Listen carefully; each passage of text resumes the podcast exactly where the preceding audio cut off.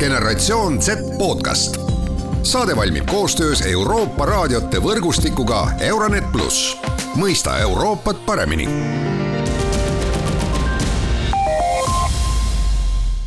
tere, head Gen Z taskuhäälingu kuulajad, mina saatejuht Mart Valner. ja tänases taskuhäälingus hakkame rääkima oskustest. aasta kaks tuhat kakskümmend kolm, nagu teada, on ju Euroopas oskuste aasta eestlased on oma oskuste ja hariduste juures eelkõige alati rõhutanud IT-õpet ja IT-teadmisi. mis seisus meie IT-teadmised on seda hakkamegi tänases saates uurima ja seda teemat on minuga avamas õppejõud ja õpetajad, IT-spetsialistid Birgi Loorents ja Rasmus Kits. Noh, alustame siis sellest osast, mis tasemel Eestis on see noh, minu jaoks kõige lihtsamalt öelda IT-õpe, eks ole, ma, ma saan aru, et see on väga palju erinevaid klassifikatsioone ja kõike muud, aga et, et mis tasemel meil praegu Eestis see on? Eestis äh, informaatikaõpetus mm -hmm. algab ju esimesest klassist ja kuni põhikooli lõpuni on meie eesmärk, et lapsed saaksid infoühiskonnas hakkama ja oskaksid võib-olla ise midagi teema, et, et nad ei ole ainult tarbijad, vaid nad oleks ka väiksed loojad. Äh, mis puutub gümnaasiumiharidusse, siis gümnaasiumis mängitakse läbi sellist väikest tarkvarafirmat, aga ainult nendes gümnaasiumites, kes on võtnud endale IT-suuna et äh, ametlikult äh, IT-õpetus gümnaasiumis kohustuslik äh, ju ei ole, et on olemas ainult äh, võimalus teha uurimustööd, kus sa pead siis oskad kontorivara. et selles mõttes Eestis on selline huvitav skisofreeniline olukord. et äh, Rasmus, äh, sina annad erinevaid valikaineid? jah, gümnaasiumis mm. -hmm. ja näed seda poolt äh, just nende loovate ainetega, mis ainet sa annad ja kuidas? Äh, tõepoolest, ma olen nüüd õpetanud siin äh, mehhatroonika kursust, mis on täitsa lausa õppekavas ka olemas, ainekava on ka olemas gümnaasiumile, tuleb tunnistada, et Tallinna Ülikooli kaks tuhat kakskümmend kaks uuringu järgi õpetatakse seda õppeainet Eestis vähem kui kahekümnes gümnaasiumis, Eestis on kokku umbes sada viiskümmend gümnaasiumit. Ehk siis, et äh, see on ilmselgelt murekoht, äh, kuna tegemist on väga praktilise õppeainega, ehk siis me päriselt panemegi käed külge ja teeme igasugu põnevaid asju, ehitame mikrokontrollerite abil igasugu ägedaid asju, õpime programmeerimist ja kõike muud, siis õpilastele see väga-väga meeldib, aga gümnaasiumite õppekavadesse sellised õppeained väga tihti ei jõua. no miks? kas see on äh, sellepärast, et see nõuab äh, mingisuguseid suuri lisaressursse, noh, ma saan aru, et tuleb osta, eks ole, mingisugused komplektid, millega mida ehitada ja nii edasi ja nii edasi, lisaks see nõuab, eks ole, inimest, kes oskab õpetada? Ehm, meie gümnaasiumis on äh, tegelikult kohustuslik üheksakümmend kuus kursust, millest äh, umbes seitseteist, kuusteist kursust saab kool ise valida, ülejäänud, ülejäänud on see põhikoolikursus matemaatika, eesti keel ja inglise keel. Äh, ja siis kool peab otsustama, mis suunda ta teeb et meil on vaja humanitaarinimesi, meil on palju humanitaarsuundasid, mõnes koolis on IT-suund, siis on nagu rohkem aineid. aga mõnes on ka kunst, nii et äh, kool suht valib ehk siis äh, kool ei, ei oma õpetajat, siis ta kindlasti ei saa pakkuda selliseid valikuid, et täna on siis selliste sutsakatega, on olemas siis äh, Tallinna ja Tartu Ülikoolil on olemas MOOC-id, mille raames õpilased saavad näiteks üks-kaks kursust programmeerimist võtta. ehk siis ähm, koolides endal ei ole arvutiõpetajat, kes seda programmeerimist suudab õpetada, siis õpilane võib võtta selliselt äh, linna pealt, nõnda öelda, sellise aine. aga kahjuks kõik õpilased ei ole võimelised iseseisvalt õppima ja nad lihtsalt võtavad ja kukuvad sealt kursuselt välja. ehk siis mure on, on laiem, et gümnaasium saab anda ainult sellise mm, nagu maitse suhu ja kui on sellised Rasmuse moodi sellised fännid, kes tulevad koha peale ja tõesti innustavad noori, siis näiteks kui ta kümnendas klassis saab sinu kursust, kas, mis juhtub üheteistkümnes, kaheteistkümnes klassis, on kooli otsustada. ja koolidel ongi väga raske, sest et äh, tegelikult meil on vaja ka arste ja kõiki erinevaid erialasid äh, ja inimesi nagu tutvustada jah, ehk siis, et ei juhtugi midagi ta saab oma selle üks või kaks kursust ja, ja sellega kogu see asi lõpeb, jääb auk sisse. Ja kui ta peaks minema kõrgharidusse siis edasi liikuma, siis juba ei ole tal seda väga head teadmust, ta ei ole selle valdkonnaga ära seotud ja, ja võib juhtuda, et ta üldse ei valigi seda valdkonda, läheb õppima hoopis midagi muud. iseenesest ei ole ka halb, kui ta saab teada, et talle see eriala ei sobi aga kui ta näiteks on astunud IT-suunale, on õppinud näiteks üheksa kursust kolme aasta jooksul ja siis otsustab, et see ei ole tema ala, siis on nagu ilmselge äh, raiskamine. Äh, mure on selles, et kui ta kümnes klassis on näiteks mingisugust IT-ainet või programmeerimist võtnud, siis üheteistkümnes klass ta ei mäleta sellest mitte midagi, sest see, see, see see ei, ei rajane millegi, me ei saa ju koolis kasutada, et kuulge, sa õppisid programmist, hakka nüüd meile äppe programmima või niimoodi. et see õpe ei ole sellisel tasemel. et sellest ongi hästi oluline, et kutsekoolides ja ülikoolides ikkagi see õpe viiakse viiakse kõrgtasemele, et inimesed saaksid siis tõesti sektorisse tööle hiljem minna mm. -hmm. aga kui me võtamegi korra nüüd seda ka äh, laiemat äh, pilti ette, et ehk siis miks see kõik on oluline, äh, kui suur probleem meil on Eesti ühiskonnas sellega, et me, me oleme rääkinud aastaid, kuidas meil on tuhandeid programmeerijaid puudu. meil on tegelikult üleüldse reaalsuunas inimesi puudu, ma tean, ma mäletan, kuidas mingid aastad tagasi Tallinna Ülikoolil oli tohutu probleem, et kuidas me saame matemaatikaõpetajaid kooli õppima, sest et noh, meil ei ole see, seda reaalsuuna peale neid inimesi, eks ole. Me oleme kui, kui suur see probleem praegu, praegu meil on, ma saan aru, et programmeerimine tegelikult ongi ainult üks väike osa muidugi kogu sellest IT ja infotehnoloogia osast, eks ole. Meil on olemas selline tore tööjõuturu uuring, OSKA, ja OSKA raport on juba, no ma arvan, viis aastat saatnud seda sõnumit, et tuleviku töökohtadest kaheksakümmend protsenti on seotud tehnoloogiaga natukene nukker on tõdeda seda, et see filosoofia ei ole nagu üldharidussüsteemi veel jõudnud, ehk siis et see hoog on nii aeglane, ehk siis et me ei suuda tegelikkuses nagu tööjõuturule ja selle vajadusele orienteerida oma haridussüsteemides ja see ongi tegelikult kõige suurem väljakutse. et noh, meil on puudus õpetajatest, meil on puudus ressurssidest, meil on puudus teadmusest ja üleüldse kogu selle süsteemi loomisest, ehk siis see on selline hästi suur väljakutse. ja teine selline oluline aspekt on see, et äh, tegelikkuses tuleb hakata sellega tegelema juba palju-palju varem. ehk siis äh, kõige värskemad haridusuuringud tõendavad ära, et õpilane teeb oma elusuuna valiku tegelikult juba teismeeas või isegi eelteismeeas, noh sellise hästi laia suunavaliku, ja kui selleks hetkeks me ei ole teda saanud sinna IT-sse või ta ei ole saanud seda nuusutada ja oma head kogemust, siis ta tõenäoliselt pöörab sellele ka selja ja sinna suunda edasi ei liigu. ja see on murekoht ka põhikoolis, et kui esimeses kooliastmes ja isegi lasteaias on väga palju IT-ga seotud tegevusi, hästi populaarsed on igasugused igasugu robootika ja teadusringid ja kõik muu, siis teises ja kolmandas kooliastmes on meil jälle auk ehk siis keegi ei tegele sellega ja gümnaasiumisse minnes või kutsekooli minnes õpilane võib juba teha jälle teisi valikuid. Seal on filosoofiline nagu e-, erinevus, et kui meie praegu arutame, et mis siis vajab töösektor, eks ole, siis samal ajal kooli eesmärk on valmistada õpilasi ette järgmiseks astmeks ehk siis põhikool valmistab ette gümnaasiumiks või kutsekooliks ja kutsekool või gümnaasium valmistab siis äh, ülikooliks ette. Ja seal vahepeal ei ole seda, et, et mõned võiksid minna siis töö, tööellu, sellepärast et ka OSKA raport on selle välja toonud, et kui sa täna ei omanda enam bakalaureuse või magistrikraadi või kutsehariduses viiendat astet, siis sul on ikkagi tulevikus väga keeruline, sest sinu töökoha ikkagi võib mingil määral võtta ikkagi robot ära, ehk siis äh, tehisintellekt ehk siis äh, meil on vaja inimesi, kes suudavad suurelt mõelda, aga suudavad ka praktiliselt rakendada. ja see praktilise asja huvi, mida sa tõid välja STEM-haridusel, ehk siis äh, nii inseneeriaoskus kui ka IT-oskus äh,, selle murekoht seisab tõesti neljandas kuni kuuendas klassis, võib-olla isegi seitse-üheksas klass, kus siis äh, sa saad aru, et see asi kas sulle sobib või sulle ei sobi. ja kui koolis selle valdkonna teemasid väga ei tegeleta ja kõik on väga teoreetiline, siis sa ei saagi kunagi teada, et see võib-olla sulle sobiks, sest et iga asi nõuab ju aega. Noh, muusikas klaverit harjutame üheksa aastat, et üldse suudaks midagi mängida. Milline laps täna viitsib? ta ütleb, et kolme minutiga teen Youtuberiks ennast, noh et siis ma ei viitsigi võib-olla nii palju keskenduda sellele teemale mm. -hmm. see kutseharidus käis nüüd ka äh, palju läbi, eks ole, kutseharidus äh, mõned aastad tagasi oli muidugi kutsehariduse õppijad viiskümmend protsenti või rohkem juba keskhariduse või äh, baka magistrikraadi pealt, aga, aga me peamiselt noorte puhul räägime ikkagi põhihariduse pealt kutseõppesse minejatest, eks ole. mis tasemel see kutseõpe IT, ütleme Eestis meil on, kui ma tahan saada heaks programmeerijaks või heaks äh, mehhatroonikuks, kas ma pean lõpetama magistrikraadi TTÜ-s või TalTechis või ma võin minna kutsekoolist?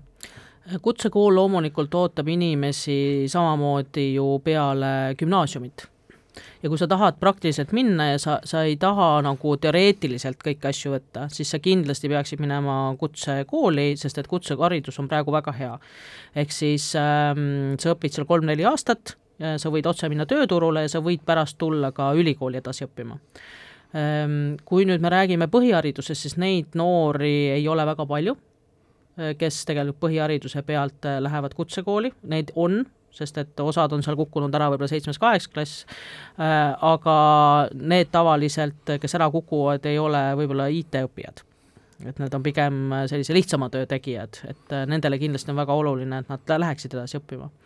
Äh, mis annab ülikool, ülikool annab sulle suurema pildi, laiema pildi, annab sulle võimaluse asju juhtida, algatada, eks sa oled ennastjuhtiv, et kui kutsekooli lõpetaja on pigem selline, kes teeb sul tööd, kui talle töökäest antakse, siis ülikoolis on need inimesed, kes loovadki oma firmasid ja ja korraldavad seda elu Eestis, ehk meil, Eestile on väga vaja näiteks, et noored jõuaksid ka doktorikraadini, et äh, praegu seda vaadatakse, et oo, aga meil ju töökohtadel küsitakse ainult magistrikraadi. aga kui meil ei ole neid inimesi, kellel on doktorikraadiga, siis äh, meil ei juhi varsti seda riiki keegi nagu asjalikult. Ehk siis äh, meil on vaja igale valdkonda neid inimesi vastavalt nendele oskustele ja nendele soovidele, mis neil on et me ei saa ainult ka seda, et meil on praktilised inimesed ja siis arvame, et, et äh, suuna, kes see suuna siis seab, eks ole, et kõike on vaja. Mm, aga siin ei teki äh,, kuna meil on äh, kogu infotehnoloogia valdkonna vähegi pädevatest inimestest ühiskonnas nii suur puudus ja tööturul nii suur puudus. Äh,, siis ma, siin on olnud ju seda, tohutult seda probleemi, et ega ne, nad ei jõua oma hariduse lõpuni, sellepärast et lihtsalt see äh, sul kas teise kursuse peal või enne, enne kutsekooli lõppu tuleb äh, üks tööandja, ütleb, et kuule, et väga tore, sul läheb hästi, äkki tuled mulle koodi kirjutama no aga see on ju suurepärane, see tähendab seda, et haridus töötab kiirelt ja efektiivselt, kaks aastat ja oledki tööjõuturule valmis. aga, aga jah, mis puudutab kutseharidust, siis mina julgen ka öelda, et inseneeria ja IT-valdkond on kutsehariduses väga kõrgel tasemel, täiesti võrreldav juba kõrghariduse tasemega, ehk siis selline nagu rakenduskõrghariduse või selline kolledži tase, mis on väga-väga hea. Ja mina kindlasti soovitan ka õppijal mõelda selle peale, et ei pea minema eriala omandama alles ülikooli, vaid kutseharidus võib olla väga hea eelnev samm selleks ja pädevused saavad ainult minna paremaks. mida varem alustad, seda parem on äh, aga jah, see lõpetajate vähene hulk, eks see ole kindlasti jah, murekoht, tööjõuturuga on lihtsalt nii kiire ja nii paindlik ja reageerib äh, nii ruttu, et äh, napsab lihtsalt need õppijad ära. Ja see näitab ju ka jälle seda, et see on vajadus, ehk siis kui ma analüüsin eelmise aasta lõpus üldse tööjõuturu trende, siis IT-sektor oli ainukene trend, kus kõikides alavaldkondades ennustati tööjõuturu vajaduse kasvu. kõikides teistes valdkondades on selline kerge langustrend no Oska praegu eelmisel korral viis aastat tagasi ütles, et ähm, noh, ütleme, et meil on kuussada inimest, siis äh, tõuseb see vajadus üheksasaja peale aastas Äh, reaalsus oli see, et tõusis poolteist korda rohkem, eks ole, et sellest veel rohkem ja nüüd on äh, samamoodi ennustatud, ühesõnaga, et inimeste vajadus ei ole ainult IT-sektoris, IT -hmm. vajadus on kõikides sektoris, nagu sa ütlesid, kaheksakümmend, üheksakümmend protsenti on meil ju IT-ga seotud tööd. Aga ütleme niimoodi, nagu ma ütlesin, kui meil on äh, inimesed, kes oskavad praktiliselt asju teha, siis riik ja Eesti areneb siis, kui meil on inimesed, kes oskavad ka mõelda. ehk siis ma ei ütle, et kutsekoolide noored ei oskaks mõelda, aga nad on valmistatud ette teistmoodi, nad on valmistatud ette lahendama praktilisi probleeme, nägema oma, oma selles valdkonnas. kui me tahame, et ikkagi Eesti riik jääks edukaks, siis me ei saa loota sellele, et meil on kutseõppeharidus. Et siis on meil ikkagi vaja ülikooli ja kõiki muid asju ka. meid ei toonarda ainult eraettevõtted, meid toonardab välismaa, sest et äh, Eesti, Euroopas on see vaba, töö vaba ju liikumine, mis tähendab seda, et meie noored, kes on tubli, lähevad tegelikult juba välisülikoolidesse. ehk siis tegelikult äh, Eesti noored on väga tublid ja asjalikud maailma kontekstis Äh, kui nad tagasi ka tuleks meile ka meie riiki üles ajama. jah, no kui majanduse vaates ja majanduspoliitilises vaates seda vaadata, siis me oleme väike riik ja kasulikke maavarasid, mida meil, mille ekspordivõimekus on meil väga madal, et noh, midagi meil on, aga me ei oska seda ju veel väga hästi kätte saada maapõuest, seega meie ajud on väga heaks ekspordiartikliks, me peaksimegi jõudma sellisele tasemele, et me suudame oma teadmuse välja eksportida, samal ajal hoida seda teadmust siin riigis, et see teadmus ei koliks riigist välja.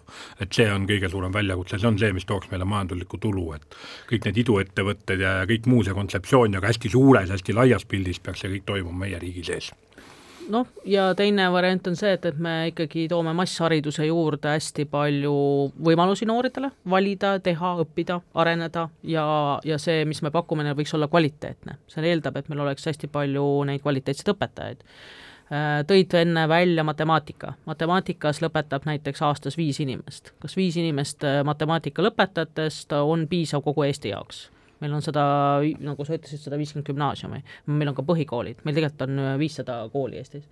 ehk siis äh, kokkuvõttes täna matemaatikaõpetajad on välja toonud, et äh, paljud matemaatikaõpetajad ei olegi matemaatikaõpetajad, nad on logistikud, nad on mingisuguse teise eriala lõpetanud, ke-, kellel on mingi matemaatikune alus, siis nad tulevad kooli õpetama. kas selle pealt me suudame minna edasi? hea, et needki tulevad aga fakt on see, et, et meil on võtmeerialadel ei ole kvaliteetseid õpetajaid. Äh, informaatikas on sama mure, aastas tuleb võib-olla välja kakskümmend õpetajat Eesti kohta. ja kui kool ka ei saa aru, et ta peaks kedagi õpetama palkama, mõtleb, et oh, me paneme mõne siin äh, algklassi õpetaja või haridustehnoloogi, kellele arvuti meeldib õpetama, see ei ole see kvaliteet. me tegelikult ju tahaks, et me seda Rasmuse ainet oleks ju mitte enam kahekümnes koolis, vaid oleks sajas koolis et mm -hmm. kõik lapsed saaksid tegelikult sellise asja valida, nii poisid kui tüdrukud mm. -hmm. no siit me jõuame ühe teise väga olulise teema, mida ma tahan veel ära markeerida ka, kui me räägime kogu informaatika teemast, siis on see äh, üks valdkond, kus on vaieldamatult äh,, tundub olevat suur sooline lõhe tüdrukute ja, ja poiste seas, et poisi, poisse, poisse on selles valdkonnas, nagu kogu STEM valdkonnas vist ikkagi oluliselt rohkem. Ja noh, tüdrukute jaoks nüüd see Unicorn Squad on tehtud, eks ole, et noori tüdrukuid programmeerima õpetada, kui ma nüüd äh, õigesti no selline teadusharidus jah, teadushuviharidus jah, jah, jah, aga, aga tegelikult seal on ka see ja, ja kui nii-öelda, kui me elimineerime pool ühiskonnast, eks ole, sest neid ei huvita see või me ei suuda neil seda huvitavaks teha, siis on ju väga, väga, väga raske neid parimaid päid üles leida. No tuleme tagasi sellesse, kuidas Rasmus alustas siin vahepeal, et äh, meil valikunoored teevad äh, neljandas-viiendas klassis äh,. kuni kolmanda klassini noorte huvi IT vastu on üsna võrdne. ja pärast seda, äh, kas ei ole ringe, kas, äh, kas tekivad tüdrukutel liiga palju valikuid, eks tegelikult poistele öeldakse, et sina võid teha autojuhtimist ja võid minna motoringi ja võid minna arvutiringi, on ju, tüdrukutel tekivad tantsud, mängud, igasugused joonistamised, asjad, tüdrukutel on lihtsalt väga palju võimalusi ja IT on üks nendest ja kui ta valibki kakskümmend protsenti tüdrukuid valib IT, see on jumala äge, lihtsalt poistel mm -hmm. ei ole, mul on tunne, et poistel ei ole lihtsalt võimalusi muid ägedaid asju teha. mis neid veel huvitaks, neil on ainult mingi paar valikut. nojah kui kohalikus kogukonnas keegi just tehnoloogiaga ei tegele, siis poiste ainukene valik sisuliselt ongi sport ja siis üldjuhul seda ka valitakse, see on väga populaarne, nagu näiteks jalgpall või korvpall või midagi muud, väga harva poisid valivad mingisuguseid muid valdkondi ja tüdrukutel on need eh, kuidagi noh, see on selline stereotüüpne kompleks, on hästi keeruline, eks ole, seda on ju palju uuritud ja tüdrukutel on justkui neid valikuid nagu rohkem, mis neile nagu rohkem loomaomased on või meeldivad või kuhu me üritame neid tegelikkuses suunata, sest siin ei ole küsimus nagu loomaomaduses, inimene on inimene. Mm. -hmm et, et see on nagu see murekoht jah, ja siis need tüdrukud kukuvad välja ja siis me hiljem ei saa neid mitte kuidagi enam tagasi ja kätte, mõned üksikud eredad näited on küll väga toredad ja neid on hea nagu müüa, aga, aga, aga massi enam taha ei tule. No ütleme näiteks, et tehakse tüdrukutele tõesti see, et äh, Unicorns ju teeb eraldi ringid seal neljandast klassist ülespoole, et siis üritatakse tagasi tuua noori. aga poisid on juba esimesest klassist juba liikunud seal sees, ehk tüdrukud on alati paar aastat maas ja siis, kui nad äh, jõuavad ülikooli, siis äh, noh, on ju võrdsetes alustes kandideerimine. ja tulemus on see, et, et tüdrukud on neli-viis aastat maas poistest, poisid saavadki paremini sisse. noh, õnneks täna ülikoolis äh, sisseastumisel vaadatakse sinu kirjandit ja vaadatakse matemaatikaoskust. aga hakatakse juba vaatama seda, et, et kas sa oled selles valdkonnas tegevunud ja antakse selle eest lisapunkte. ehk siis tegelikult IT-valdkonnas ja inseneerias ongi tüdrukute vastu see, et, et nagu nad, nende huvi ei ole olnud jätkusuutlik kuidas, ja see ei ole nende süü, eks ole? see ei ole nende süü, sest et maailm pakub lihtsalt väga suuri võimalusi, et minule küll meeldis, kui tuleks noormees, kes ütleb, et ma tantsin ja teen seda ja mängin pilli ja teen sellist ja kolmandat, noh, mul on ka IT seal, eks ole. sest see inimene IT-sektoris on minu arust väga äge, sest tema loob uut väärtust. ta võtab kahe erineva ja kolme erineva valdkonna teemad ja loob sinna midagi uut, see on innovaatika. mitte see, et ma oskan progeda ja teen kellegi käsu täitmist. nii et mina nagu ootaks pigem seda, et poisid võib-olla võtaks ka neid lisahuvitavaid asju, aga noh, sa ei saa sundida, et see on niisugune, et kui on lihtsam minna sinna voolu, siis sa lähed ju sinna voolu mm. -hmm no aga vaadates nüüd seda olukorda ja leides seda probleemi, et meil on ikkagi tohutult palju vaja neid äh, IT-ga seotud töökohtadele inimesi tulevikus juurde, mis on need sammud, mida me peaksime Eestis kas haridussüsteemis, ühiskonnas või kuidagi nüüd järgmise tõesti aastate jooksul nüüd kindlasti ja kiiresti astuma? No siin on võib-olla üks sõnum, mida peaks nagu ühiskonnale laiemalt äh, saatma nii läbi haridussüsteemi kui ka mujalt, on see, et et IT ei ole ainult IT-firmas, et hästi palju saadakse aru sellest, et vot tarkvaraarendaja tegutseb nüüd tarkvarafirmas ja see on väga konkreetne ja väga kitsas, tegelikult IT on nagu kõikjal, IT-d vajab tööstusettevõte, IT-d vajab kaubandus, IT-d vajab teenindus, igal pool on tegelikult IT-d vaja. Ja tänapäeval tõepoolest sul on vaja kas või, ma ei kujuta ette, veebikaupluses alates halduri tasemest kuni tarkvaraarendajani välja päriselt ka.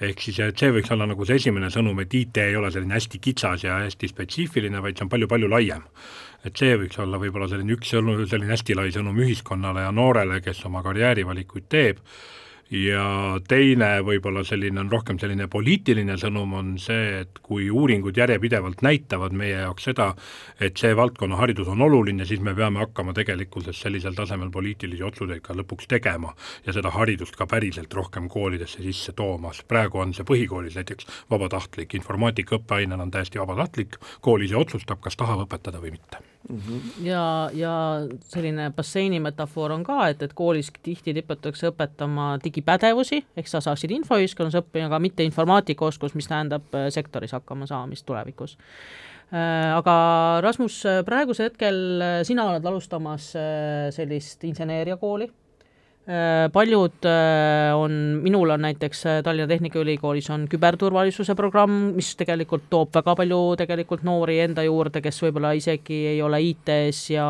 inseneerias, veel üks seltskond inimesi, kes on natuke häkkeri mindset'iga.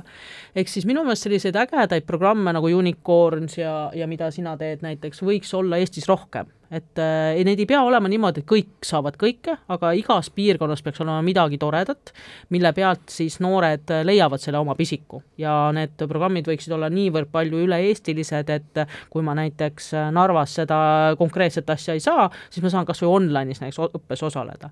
ehk siis mida rohkem programme noortele pakutakse, Äh, et nad oleks ka toetatud, mitte ainult äh, eraettevõtjad või siis erakoolid siis ise kuidagi kraabivad lapsevanemate raha kätte. et äh, siis see oleks väga hea alus, et meie noored leiaks endale neid valikuid, sest et praegu noh, küll oli valikuid palju, eks ole, aga et see valik oleks ka kindlasti laual. aga täpselt samamoodi ma arvan, võiksid olla meil näiteks IT ja meditsiin koos ja meil võiks olla IT koos millegiga, et see ei oleks enam programmeerimine, et see oleks nagu väga oluline just, just, töötades siis äh, Tallinnas ühes äh, erakoolis, Emili koolis valdkonna arendajana, jõudsimegi me tegelikult kahe aasta jooksul arusaamiseni, et äh, IT-d on väga raske õppekavasse ära mahutada, sest maht on lihtsalt nii suur ja nagu siin Birgi mainis, et võiks olla millegagi koos, me võtsimegi endale eesmärgi ja me paneme kokku IT-ettevõtluse, ehk siis, et me ei tahaks äh, anda huvihariduse kaudu mitte ainult sellist hästi kitsast IT-suunda, vaid kogu see ettevõtluse, ettevõtlikkuse maa, maastik sinna juurde, et meil ongi nagu vaja, meil on vaja suure pildi inimesi mhm. tegelikult. et koodi kirjutab meil tänapäeval tehisintellekt või siis me ostame seda odavalt kuskilt sisse, meil selliseid inimesi nii palju enam vaja ei ole, meil on vaja väga kõrgel tasemel süsteemi disainereid ja arhitekte ja loojaid ja, ja loovainete osakaal seal on ka selles mõistes väga oluline just nimelt, et seesama noor, kes praegu laulupeol tantsib või laulab, on avatud loovusega ja temalt, temalt tuleb see uus idee ja innovatsioon mm. -hmm. et kes on näiteks kunstile orientatud koolid, siis nemad võiksid IT juurde võtta, sest meil on väga palju neid, kes droone lennutavad, meil on vaja disainereid, kõiki selliseid asju, kes suudavad tegelikult teha selle maailma ilusaks. sest mul on tunne, et see infoühiskond, mida me näeme, see ei ole veel ilus, see on, me näeme seda köögipoolt ja numbreid liiga palju, aga see peaks olema nii ähm, nagu sujuv, et ma nagu, nagu olekski seal multifilmis nõnda öelda sees. ja, ja nagu vaadata niisugust sci-fi, äh, sci-fi filme ja tulevikku no see kõlab, kõlab iseenesest hästi Virgi Rasmus, aitäh täna tulemast rääkimast sellel teemal! suur tänu!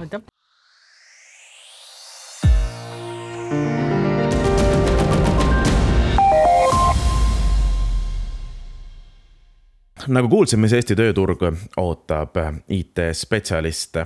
mis seisus on aga tööotsijad Belgias? seda meie head kolleegid uurisid Thierry Ney käest, kes on Foremi esindusisik. Forem on siis riiklik töötööagentuur Valloonias, mis on siis prantsuse keelt rääkiv osa Belgiast Aujourd'hui, si on analyse les demandeurs d'emploi, qui sont-ils? 46% d'entre eux n'ont pas terminé leurs humanités.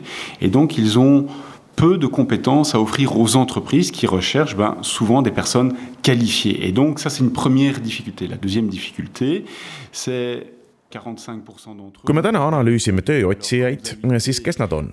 nelikümmend kuus protsenti neist pole lõpetanud oma keskharidust, mistõttu neil on ettevõtetele, kes sageli otsivad kvalifitseeritud töötajaid, vähe oskusi pakkuda.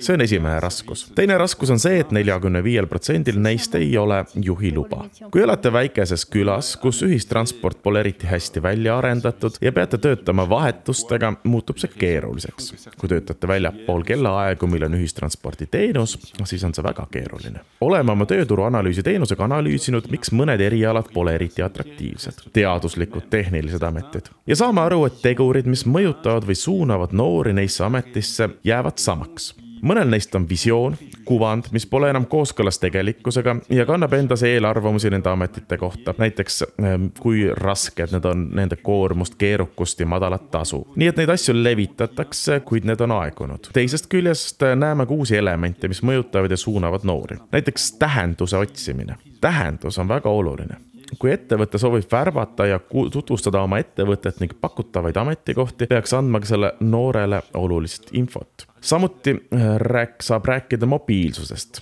ettevõtte tähelepanust ettevõttele hõlpsa ligipääsu suhtes.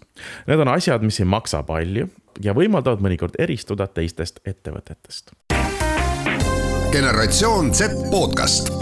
saade valmib koostöös Euroopa raadiote võrgustikuga Euronet pluss, mõista Euroopat paremini